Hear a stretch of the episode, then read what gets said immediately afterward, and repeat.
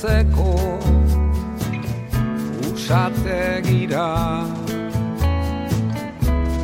Abiatzen naiz Arratxero Zurezko etxeak Aurrak tantzan Ederregia zain denaren baten zain. Ene gogoko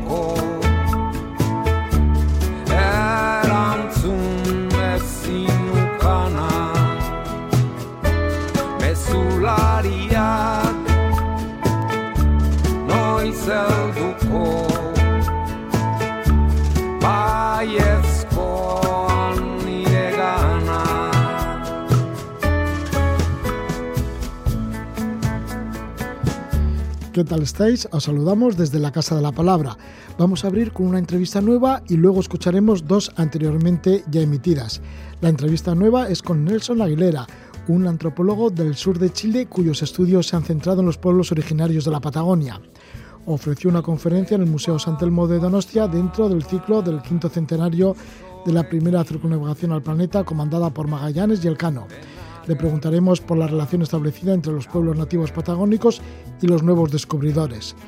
Aprovechamos la visita de Nelson Aguilera a Donostia para que nos hable de estas comunidades indígenas en la época de Magallanes y Elcano y también en la actualidad.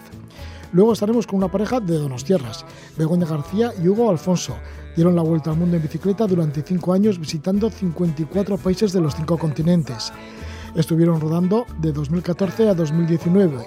Subieron al Pamir, estuvieron por el Himalaya, por las montañas rocosas de Canadá y Estados Unidos, cruzaron los desiertos de Asia Central y también Australia de norte a sur. Hugo Alfonso y Begoña García estuvieron con nosotros aquí en la Casa de la Palabra el 27 de noviembre de 2020. También escucharemos de nuevo a Javier Martínez Morán. Él es un joven admirador de la belleza de la Vía Láctea, está volcado en fotografía a los cielos y ha publicado el manual Astrofotografía, el paisaje nocturno. Javier Martínez Morán disfruta combinando sus tres pasiones, la montaña, la fotografía y las estrellas. Nos subiremos hasta las estrellas con Javier Martínez Morán, pero ahora estamos con Nelson Aguilera.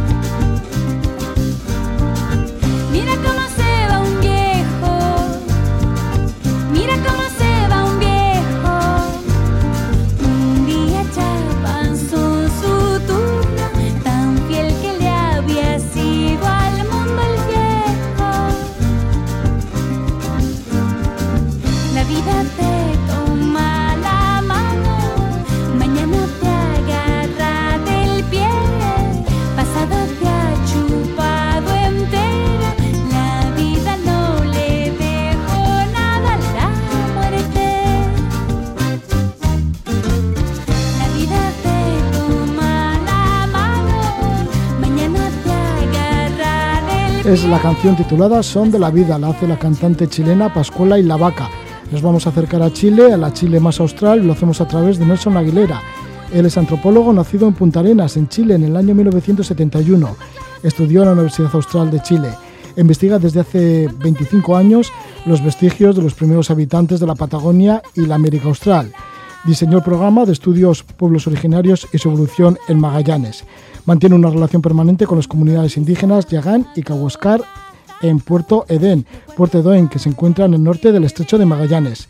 Nelson Aguilera se encuentra en Donosti, ha ofrecido conferencias en el Museo San Telmo sobre la navegación tradicional en Patagonia y también en Quetaria sobre el primer encuentro entre los navegantes que llegaron en las naos de Magallanes con los nativos de la Patagonia. Le damos la bienvenida. Muy buenas noches, Nelson. Buenas noches. Nelson, ¿cómo surgió tu vocación de antropólogo? ¿Cómo te interesaste por los pueblos originarios de, la Patagonia? Desde niño sentí un, un, interés bastante particular por los pueblos indígenas, por las formas de, de, adaptarse, por sus tecnologías, básicamente referidas al uso de arco y flecha, el uso de boleadoras. Y bueno, eh, estudié, como, como bien lo has indicado, en la Universidad Austral, eso queda en la ciudad de Valdivia, un poco más al norte de Punta Arenas.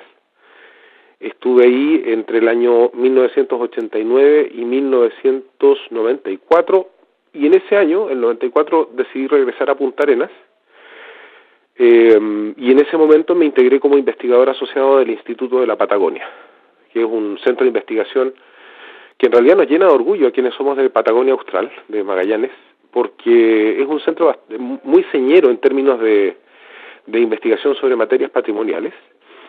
Y bueno, ahí comenzó mi progresión en, en, en, términos de investigar desde la perspectiva etnohistórica, desde la perspectiva etnoarqueológica, algunas materias referidas a pueblos originarios. Y al poco tiempo después eh, rematé en, en un servicio público especializado en materia indígena, la Corporación Nacional de Desarrollo Indígena, donde estoy hasta ahora, eh, ligado de una u otra manera en, a la distancia en, en distintas cosas. Así que soy un afortunado, he tenido la suerte de, convivir y compartir espacios muy especiales con, personas de las comunidades indígenas de Patagonia Austral, particularmente, como lo has indicado muy bien, la comunidad Cahuéscar de, de Puerto Edén y la comunidad Yagán de Bahía Mejillones, entre otras, entre otras varias. Así que muy satisfecho de, de mi vida como antropólogo eh, y, y, además entendiendo que soy un permanente estudiante de la vida y de, de estas tradiciones que de las cuales tenemos tanto que aprender. Sí, porque todavía habrá muchísimo que investigar, porque ¿cuál es el origen de las primeras de los primeros poblamientos hay en la América más austral? Estamos hablando pues eso de tierras que tienen que tener mucho frío, mucho viento, pues al sur inclusive de la Patagonia. ¿Quiénes fueron los primeros que se adaptaron a ese clima tan tan adverso? Hay evidencias tempranas de las primeras ocupaciones del litoral. Siete mil años atrás eh, comienza no solo la, la, la colonización del, del, litoral, de la playa, sino que también empiezan las trazas de eh, la navegación indígena en Patagonia Austral. Y eso ocurre aproximadamente hace 6.500 años en un, en un área geográfica más o menos común. Nosotros en términos generales hablamos de un ecotono, es decir, una zona de transiciones ecológicas donde hay diversidad de recursos, entonces estos cazadores que se adaptan a, a los ambientes marinos en, en, en, este lapso de mil años, tienen la posibilidad de, de capturas de presas tanto terrestres como marinas. ¿ya? ¿Cómo era la navegación indígena? ¿Cómo era la navegación de los pueblos nativos hace seis mil años? Y luego, posteriormente, ¿cuál fue su relación con el mar? Lo Porque también el mar que... por la zona será bastante brava es muy compleja, más que brava es una zona muy compleja. Claro, mucha zona, corriente y así, ¿no? Sí, una zona que, te puede llegar a sorprender de manera catastrófica y, eso tiene riesgos bastante significativos.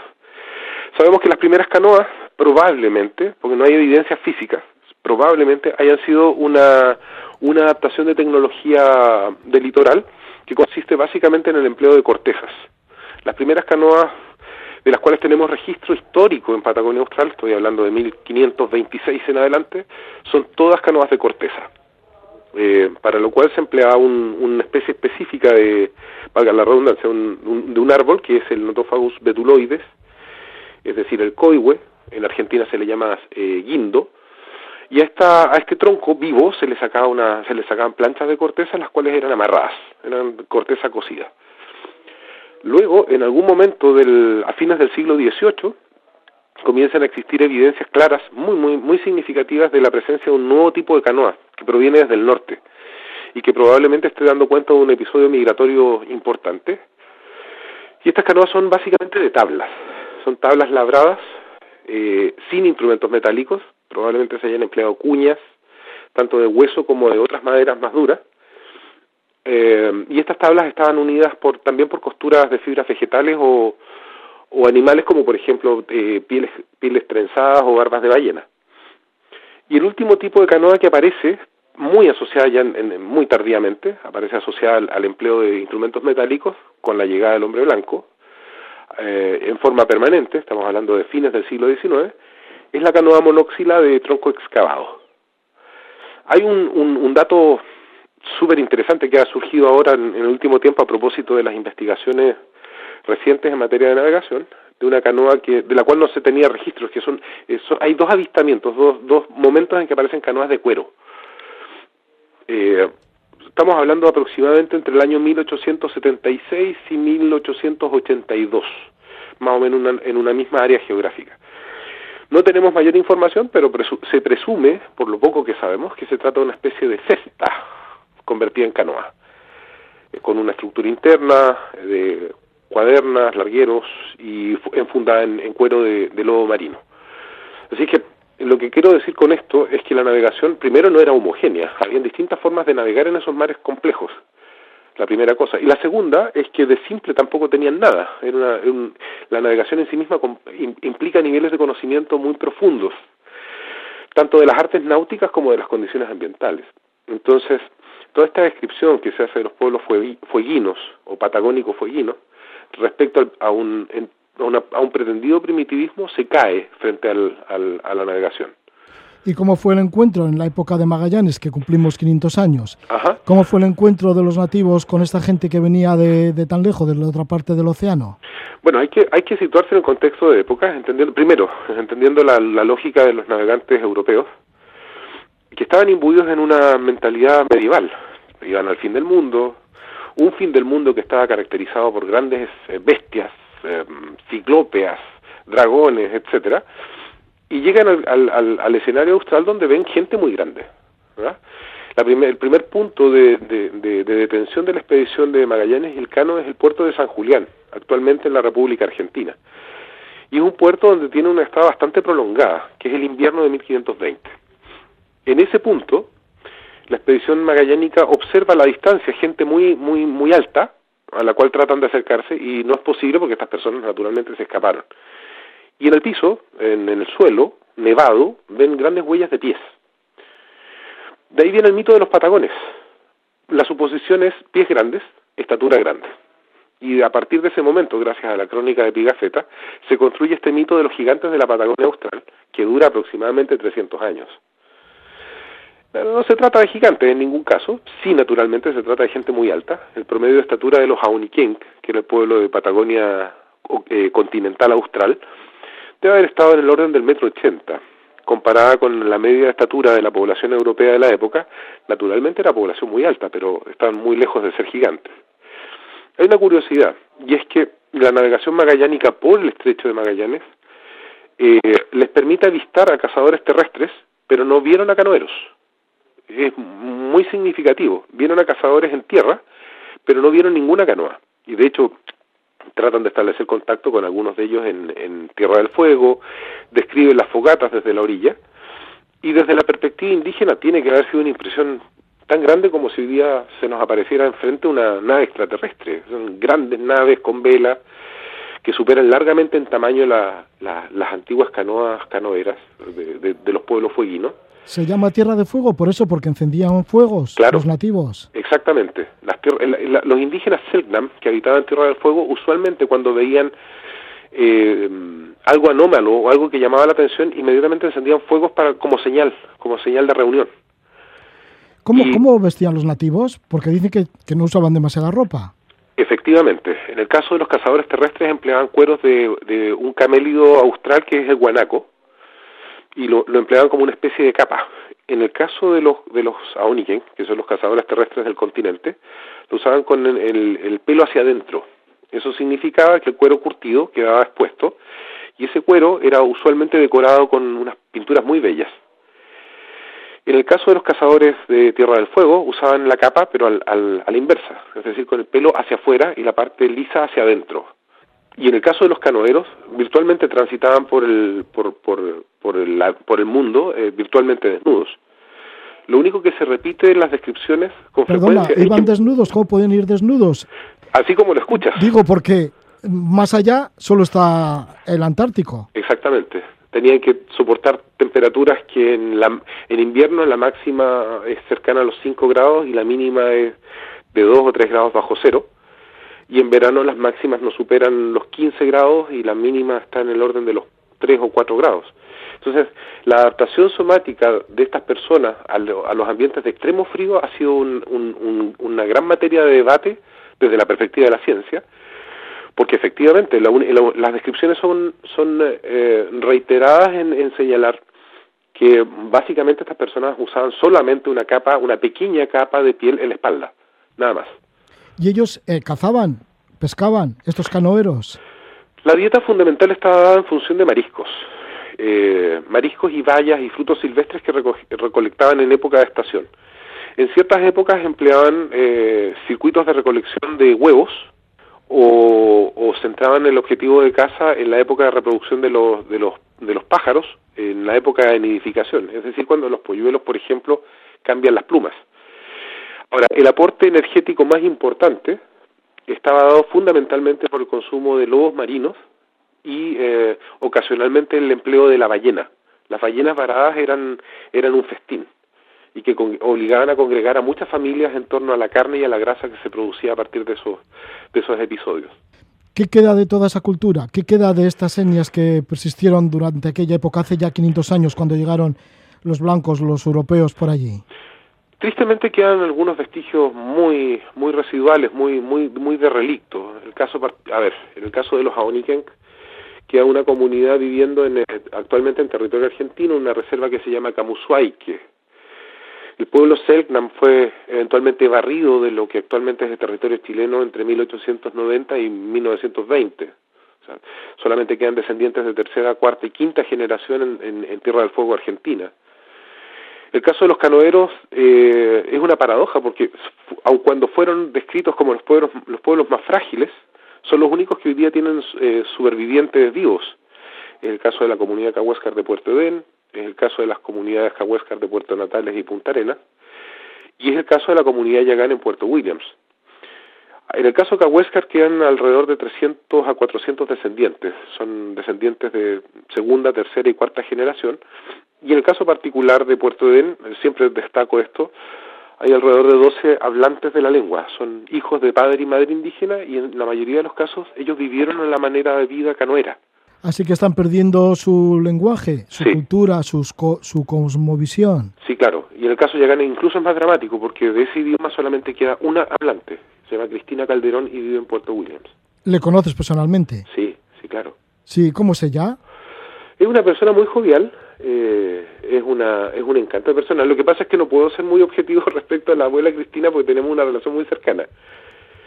Así como la tenía con su hermana, con su hermana mayor, Úrsula, que falleció hace algunos años atrás. ¿Y qué te cuenta la abuela Cristina de su, de su forma de ver la vida, de sus tradiciones, Bueno, de lo que no- fueron sus antepasados? No es difícil suponer de que se trata de, de- de una persona que acumula una sabiduría enorme, dada fundamentalmente por la experiencia en una forma de vida que hoy día ya no existe.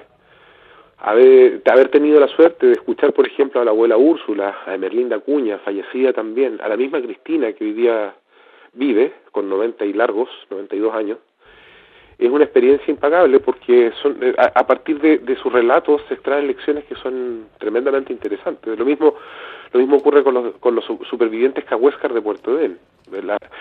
Por ejemplo, en Puerto Edén, para, para situar la- la- las- la- las cosas en un, en, en un plano cotidiano, vive un, un, un hombre que hoy día debe tener 60 años, se llama Raúl Edén, y este hombre, hasta los 16, 16 años, el único mundo que conoció fue el mundo de la canoa.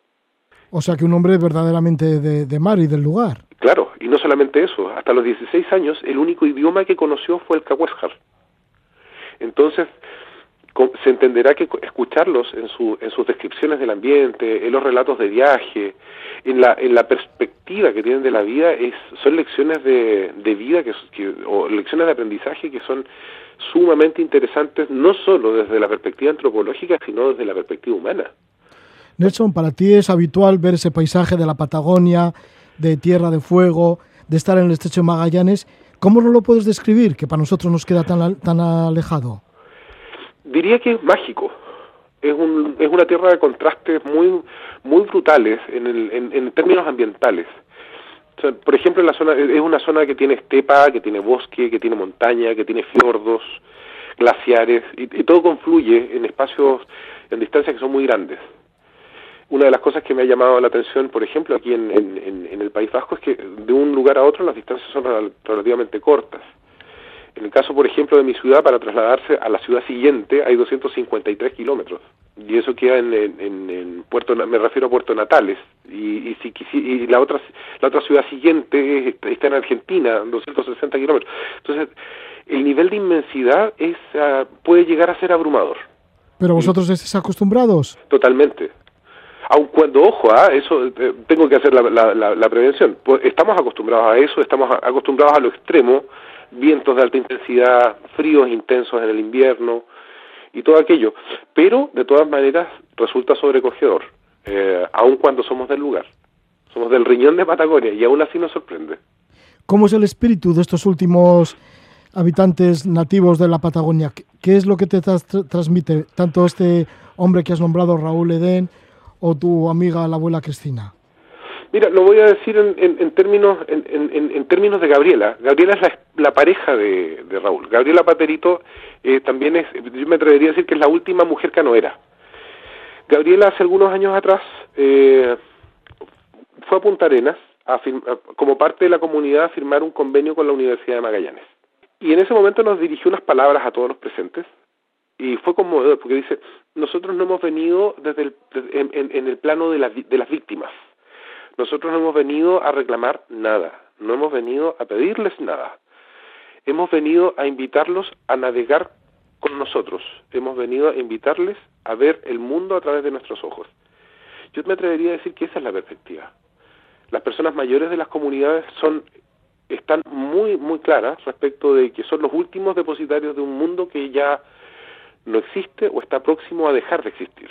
Ahí estáis con esa urgencia, nos está hablando Nelson Aguilera.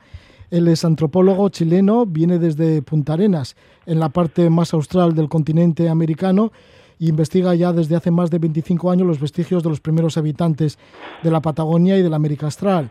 Está con esos pueblos originarios, estrechamente relacionado, y estudia la evolución de la parte del estrecho de Magallanes. Ahora se encuentra en Donosti y está con nosotros pues hablándonos de, de esos orígenes y de cómo navegaban pues estos pueblos hace ya 6.000 años por estas aguas tan difíciles y tan bravas, con tanto viento y con tanto frío como nos lo imaginamos. Pues muchísimas gracias Nelson Aguilera por estar con nosotros.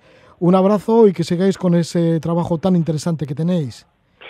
Les quiero agradecer ah, por la atención que me han brindado eh, en nuestra estada por, por el País Vasco. Eh, agradecer a la Fundación Elcano que de una u otra manera ha hecho todo esto posible, a las instituciones que nos han acogido en las conferencias y bueno, de hacerles a todos, a quienes nos escuchan y a ti en particular, lo mejor en lo que viene. Y eh, voy a despedirme en lengua yacán diciéndoles Halayala, Mustakasen, que significa nos vemos, cuídense y será hasta otra oportunidad. Bueno, pues una gran oportunidad, aunque sea escuchar algunas palabras de, estos, de estas lenguas que, que ya se están perdiendo. Muchas gracias, Nelson, que vaya todo bien y que sigas con ese trabajo tan necesario. Muchas gracias, gracias a ti, un abrazo.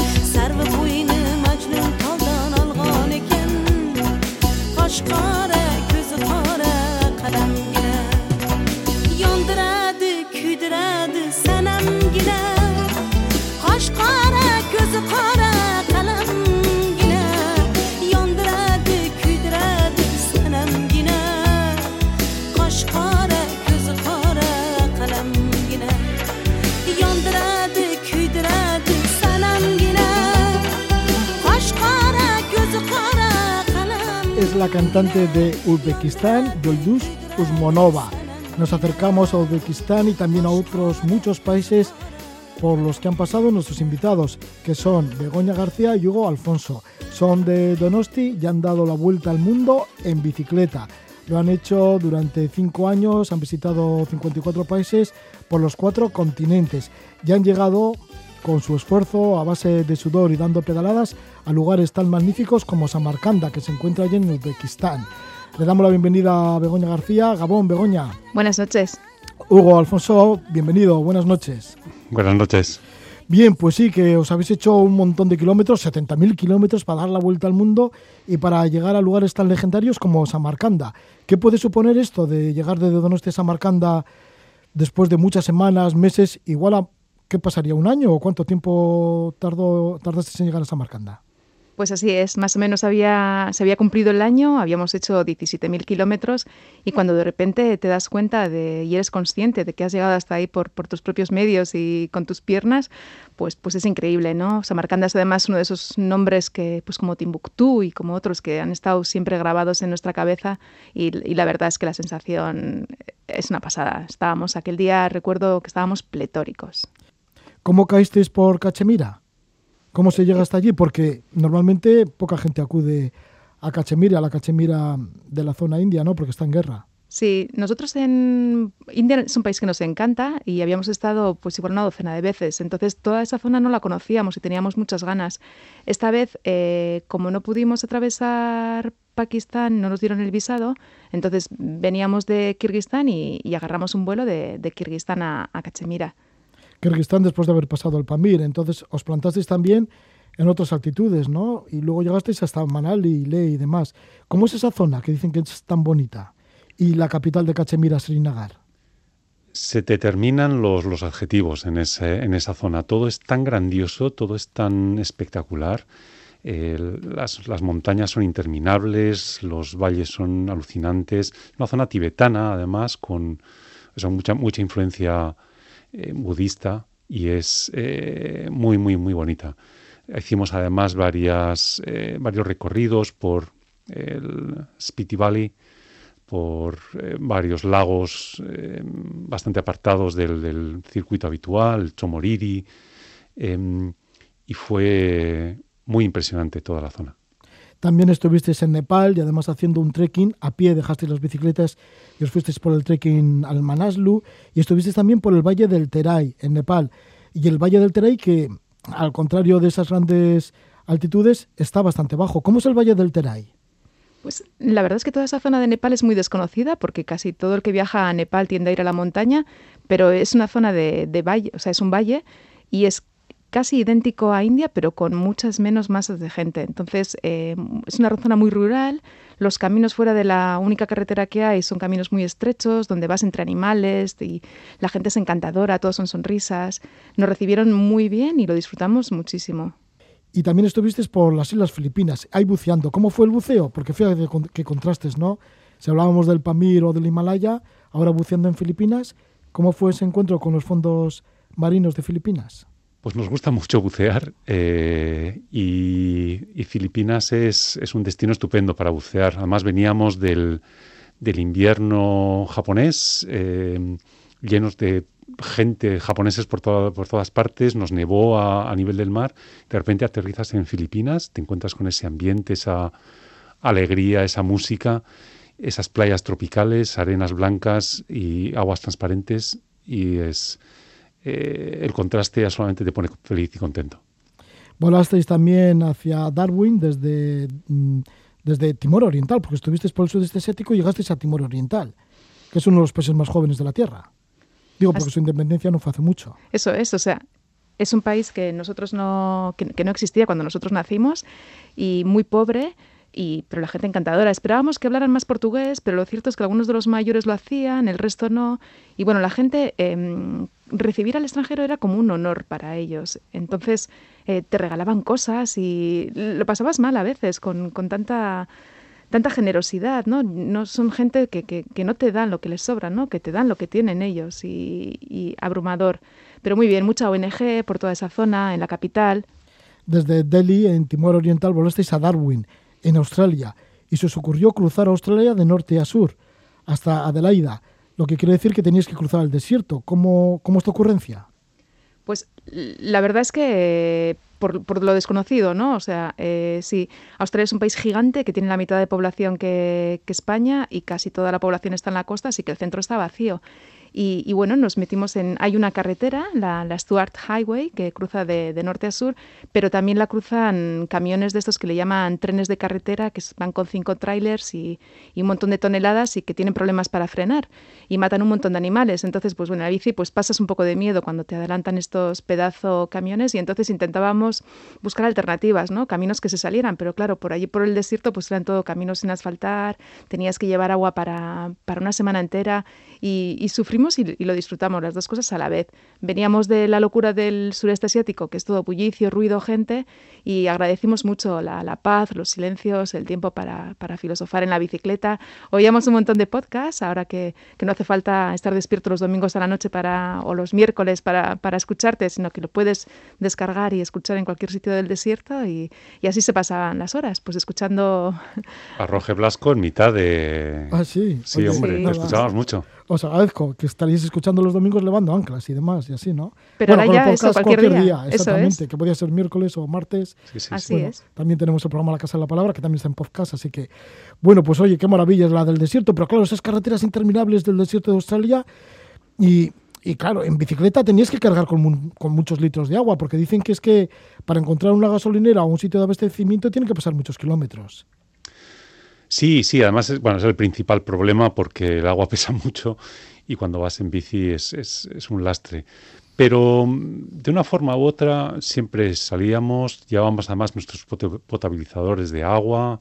En, en las carreteras suele haber unas zonas, es, es agua no potable, pero con, con los potabilizadores se puede, se puede beber. Está también los, los grey nomads, cuando tienes algún problema. Hay muchos viajeros australianos eh, son grey nomads, no- no- nómadas de, pelo blanco, de pelo gris. Son eh, esos jubilados australianos que se dedican a recorrer su país de norte a sur, de este a oeste. Y esos siempre están eh, disponibles para ayudar y siempre con, ganas de, charlar contigo. Entonces, en caso de urgencia, en- de, emergencia, siempre están ellos para ayudarte. ¿Tuvisteis alguna emergencia? O por lo menos ya sabíais que teníais ahí a los a estos ángeles de la guarda por si acaso, pero ¿tuvisteis que avisarles en alguna ocasión? Eh, no, por suerte eh, llevábamos suficiente agua, los utilizábamos como comodines, pero sí que es verdad que, claro, en la bici no puedes llevar nada fresco. Entonces, cuando al final del día te encontrabas con una caravana de estas y te sacaba dos cervezas fresquitas en mitad del desierto, pues, pues era, sí, una gozada, ¿no? Y luego también, la verdad, eran muy atentos porque te preguntaban incluso, ¿quieres darme la basura? Y se llevaban tu basura porque sabían que, claro, no solo, o sea, el agua sí que la va reduciendo, pero la basura va aumentando y la tienes que llevar todo el tiempo contigo, ¿no? Y, ellos eran conscientes de eso y, te ayudaban hasta para eso. La verdad es que gente encantadora. los utilizamos en alguna ocasión para que nos adelantaran comida. Es decir, llegábamos a una población donde había supermercado y les me- metíamos un montón de comida en una caja y se la pasábamos a algún Grey Nomad y le decíamos, déjala en tal gasolinera o en tal lugar que nosotros pasaremos ahí dentro de tres, cuatro, cinco días. Y lo hacían encantados. Y es, es un poco el compañerismo entre viajeros, aunque vayan unos con, con grandes caravanas y otros en bicicleta, pero cómo nos ayudamos todos. Ya qué bien que están estos nómadas, ¿no? Estos jubilados que, Sí. que están en defensa de los viajeros que están cruzando el desierto. Y el desierto da también apuro, digo, en cuanto al tema de los animales, porque cuando pasasteis el desierto de Turkmenistán, esto estamos hablando del Asia Central, una vez que estuvisteis en Irán, luego fuisteis por Turkmenistán hacia Uzbekistán. Bueno, en Turkmenistán os hablaron de que podía haber unas arañas gigantes y así, ¿no? Y en el desierto de, de Australia, pues tiene que haber todo tipo de animales. ¿En Turkmenistán aparecieron esas arañas? Eh, una pequeñita encontramos en el camino, pero sí. Sí, pero, hablan de arañas, ¿no? Grandes. Sí, sí, pero no, la- en, en Australia sí que vimos mucho, eh, mucha serpiente, eh, pero por suerte ninguna así demasiado cerca. Luego en el norte, pues nos íbamos a bañar a unas pozas que siempre tenían que haber estado previamente revisadas por el tema de los cocodrilos. Estábamos en la época de justo después de la, de la temporada de lluvias y primeramente pasan los rangers, revisan que no se ha quedado ningún cocodrilo atrapado en ninguna de esas pozas y entonces permiten el baño. ¿no? En- los cocodrilos luego en Australia vimos un montón, eh, hay- es una cosa que mucha gente desconoce, pero hay 400.000 caballos salvajes que están libres por ahí, hasta 200.000 camellos también que se dejaron cuando la construcción del ferrocarril y luego ya pues procrearon y o sea, todo el mundo te pregunta, ¿has visto canguros? Y bueno, pues sí, he visto canguros, pero he visto un montón de, de caballos salvajes, de camellos, de hay una especie de avestruces, em, Los emus. los emus, eso es. em, y luego todo tipo de bicho pequeño, ¿no? Eh, mucho gecko, mucho lagarto diferente. Los canguros, algunos de ellos atropellados. Muchos, muchos, especialmente en la zona ya del sur, acercándonos a Adelaida. eh, pero cuando digo muchos son centenares de- de canguros, canguros de diferentes tamaños, wallabies, etcétera, eh, atropellados por, por los camiones estos que decíamos y seguramente por coches, lo que fuera, pero muchos, muchos. Vamos dando grandes saltos en esta vuelta al mundo. Esta vuelta al mundo que realizaste en bici y estamos con Begoña García y con Hugo Alfonso, son de Donosti y han estado cinco años y habéis visitado un montón de países, ¿no? 54 países en esta vuelta al mundo durante tanto tiempo y además en bicicleta. Bueno, pues entre otras cosas también, cuando saltasteis ya a América, estuvisteis por Canadá y por Canadá y Estados Unidos seguisteis las montañas rocosas. Así es, eh, la, la, ¿cómo se llama? La- La divisoria, la gran La divisoria. La gran divisoria, que es, es- es, eh, por las rocosas lo que separa eh, las vertientes del Pacífico y del, y del Atlántico. Y es una zona, em, bueno, eh, de montaña y de grandes espacios, un poco el lejano oeste ese que tenemos en la cabeza, y visitando muchísimos parques nacionales. eh, por Wyoming, por Montana, por Colorado, por Utah, por Arizona. Espectacular. Sí, tiene que serlo, pero también para la bici, tanto subir y bajar, igual por las montañas, por las montañas rocosas. Sí, la verdad es que nos decían que no íbamos a poder hacerlo, ¿no? Que con las bicicletas que llevábamos nosotros, que es la clásica bicicleta con alforjas, pues que no, que ya hay que ir con el bikepacking, ¿no? Con estas bolsitas que se ponen aquí y allá en la bici. Y, bueno, pues sí que es verdad que igual en algún tramo hay que empujar, pero, pero se puede hacer y, y, sí, en, tres meses logramos, logramos hacer la divisoria de, de norte a sur y, y disfrutarla y mucho. Luego llegaría a México, también por la montaña, por la Sierra Madre, o sea que os pegasteis buena montaña, lejos de la costa, por todo Norteamérica, por Canadá, Estados Unidos y México. Eso es, sí, no, no vimos eh, el agua del mar hasta que llegamos, no sé, a, a Belice, me parece. Eh, hasta entonces todo por, por montañas o por el centro de, de cada uno de los países por los que íbamos. Salisteis de Donosti en julio de 2014, duró cinco años el viaje y es que el viaje terminó cuando se casó tu hermana, Bego, y tuvisteis que ir a, a celebrarlo a Donosti. Eso es, eso es. eh, pensábamos que iba a ser en octubre, que nos iba a dar tiempo a llegar a Sudamérica, pero bueno, adelantó la boda, está, sí, y, y bueno, pues sí, nos dio tiempo a llegar hasta, hasta Costa Rica y, y volar a, a su boda a Madrid. Bueno, o sea que bueno, con buen final entonces el viaje. Sí, sí, sí, bueno, te imaginas, ¿no? Nos sentíamos rarísimos, ¿no? De repente vestidos de traje y con zapatos así. y- Pero bueno, pero el, el tema comer que, se, que, que- que- que gusta tanto en, en esta zona del mundo, pues, pues lo disfrutamos muchísimo. Pues así terminó esa vuelta al mundo. Bueno, que no, no terminó del todo, porque luego fuisteis hasta Donosti en bici también, ¿no? Desde Madrid. Sí, sí, cruzando toda esa España vaciada tan bonita y que tantas, tantos caminos estupendos tiene para, para andar en bici.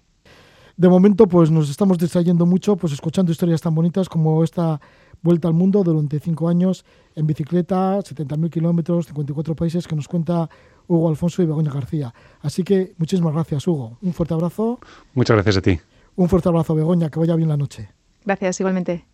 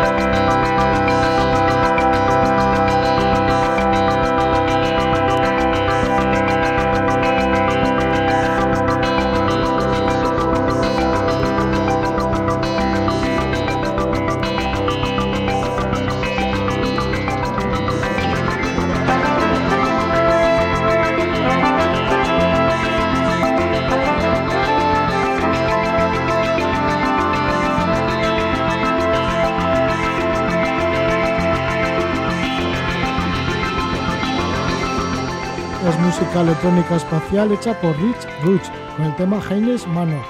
Y es que vamos a hablar de astrofotografía, un libro que lleva ese título, Astrofotografía, el paisaje nocturno. Su autor es Javier Martínez Morán. Él es muy joven, tiene 29 años, es de Madrid, fotógrafo, arquitecto, especializado en fotografía de paisaje y astrofotografía.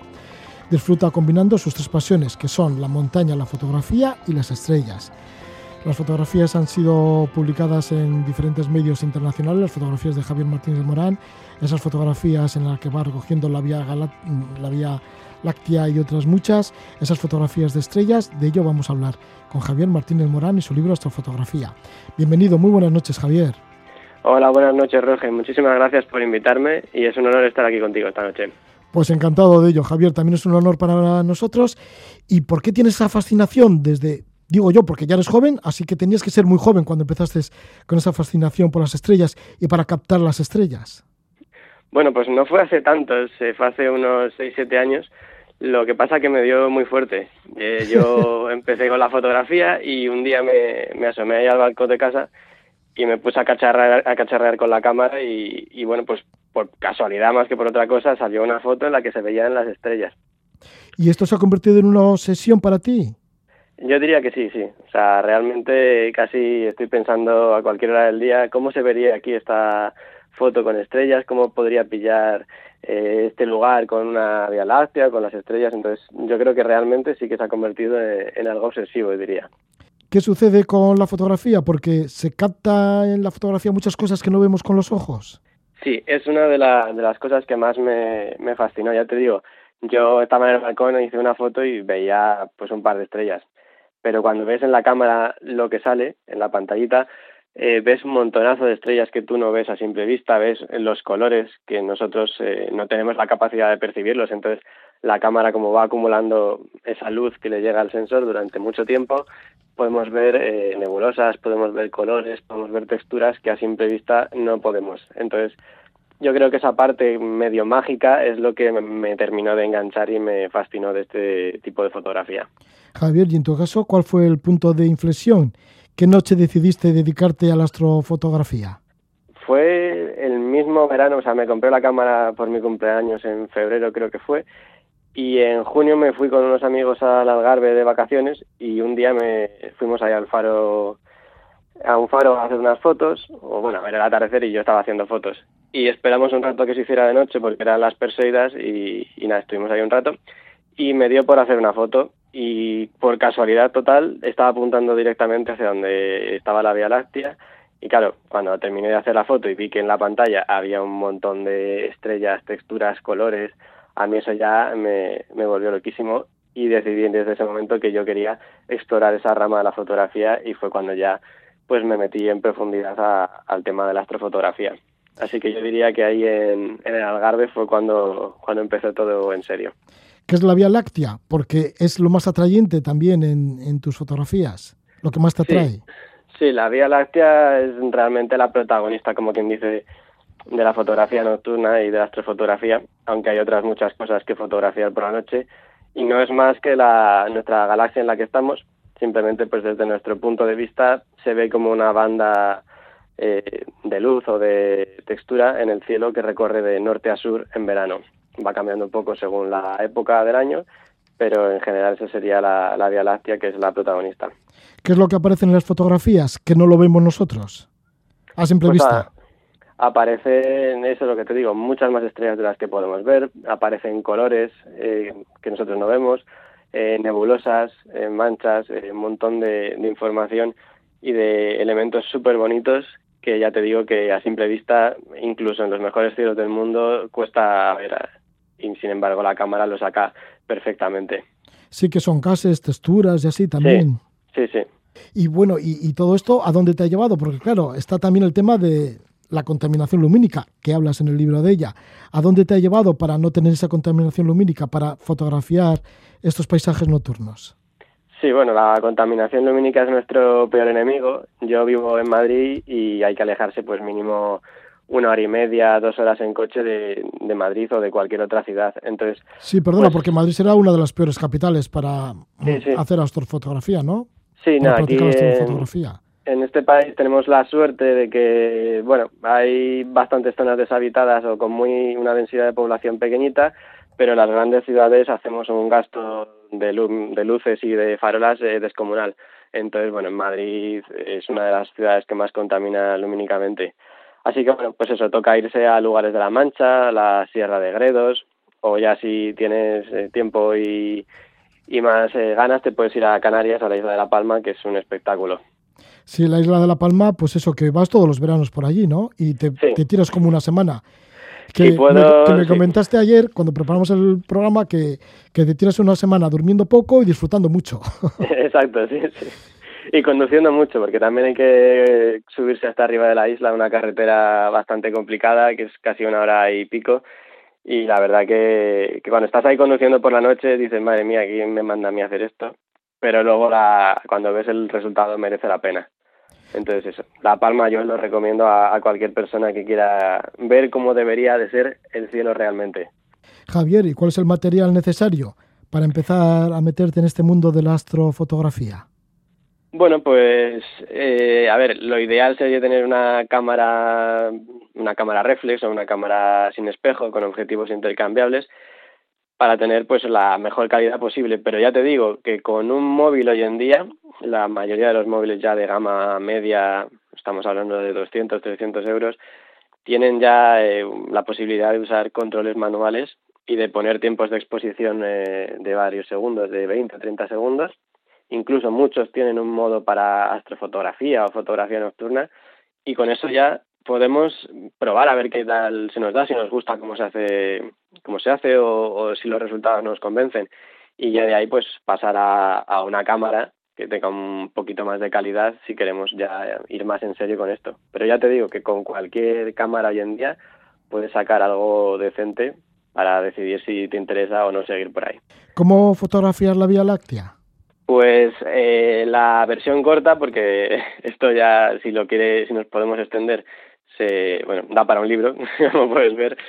Entonces la versión corta sería un objetivo angular para poder capturar la mayor parte posible del paisaje, eh, un diafragma abierto que bueno, lo que permite es que pase muchísima más luz al sensor de nuestra cámara, subir la sensibilidad de nuestra cámara a valores bastante altos. Yo suelo recomendar ISO 3200 o 6400 y ya lo único que nos queda es la velocidad de obturación de la cámara, pues eso, varios segundos. Lo normal pues está entre 15 y 30 segundos. De este modo, pues la cámara va acumulando esa luz que llega al sensor, esa luz de las estrellas y el resultado final pues es una fotografía en la que se ve todo eso que nosotros a simple vista no podemos ver. ¿Cómo pasan esas noches? Hay que tener mucha paciencia, se disfruta mucho también de lo que se está viviendo.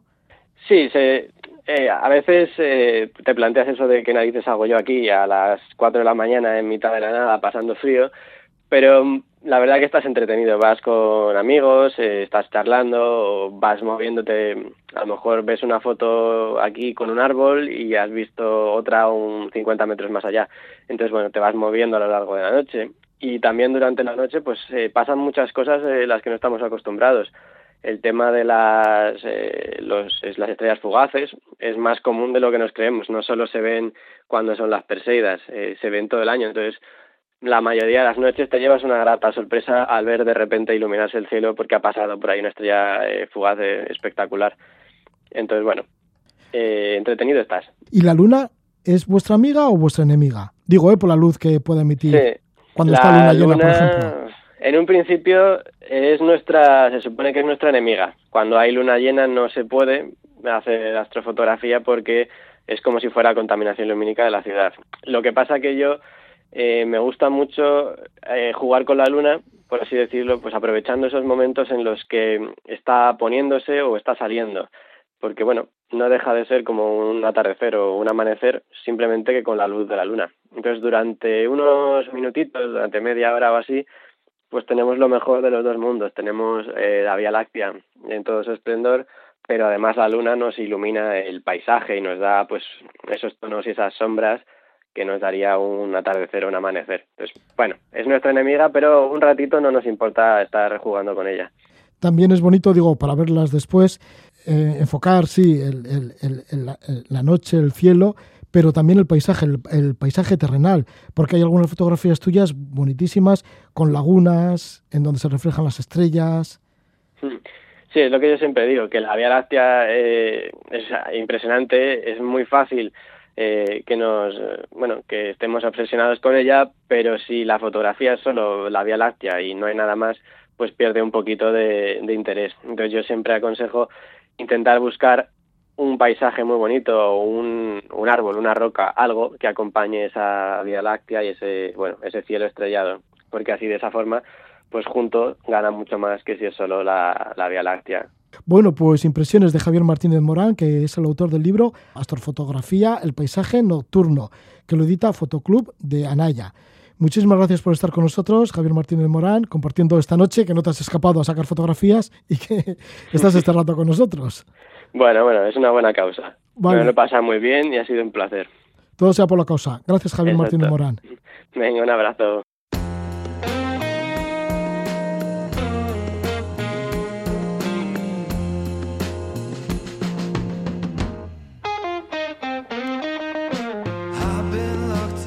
Javier Martínez Morán nos ha hablado de su manual Astrofotografía, el paisaje nocturno.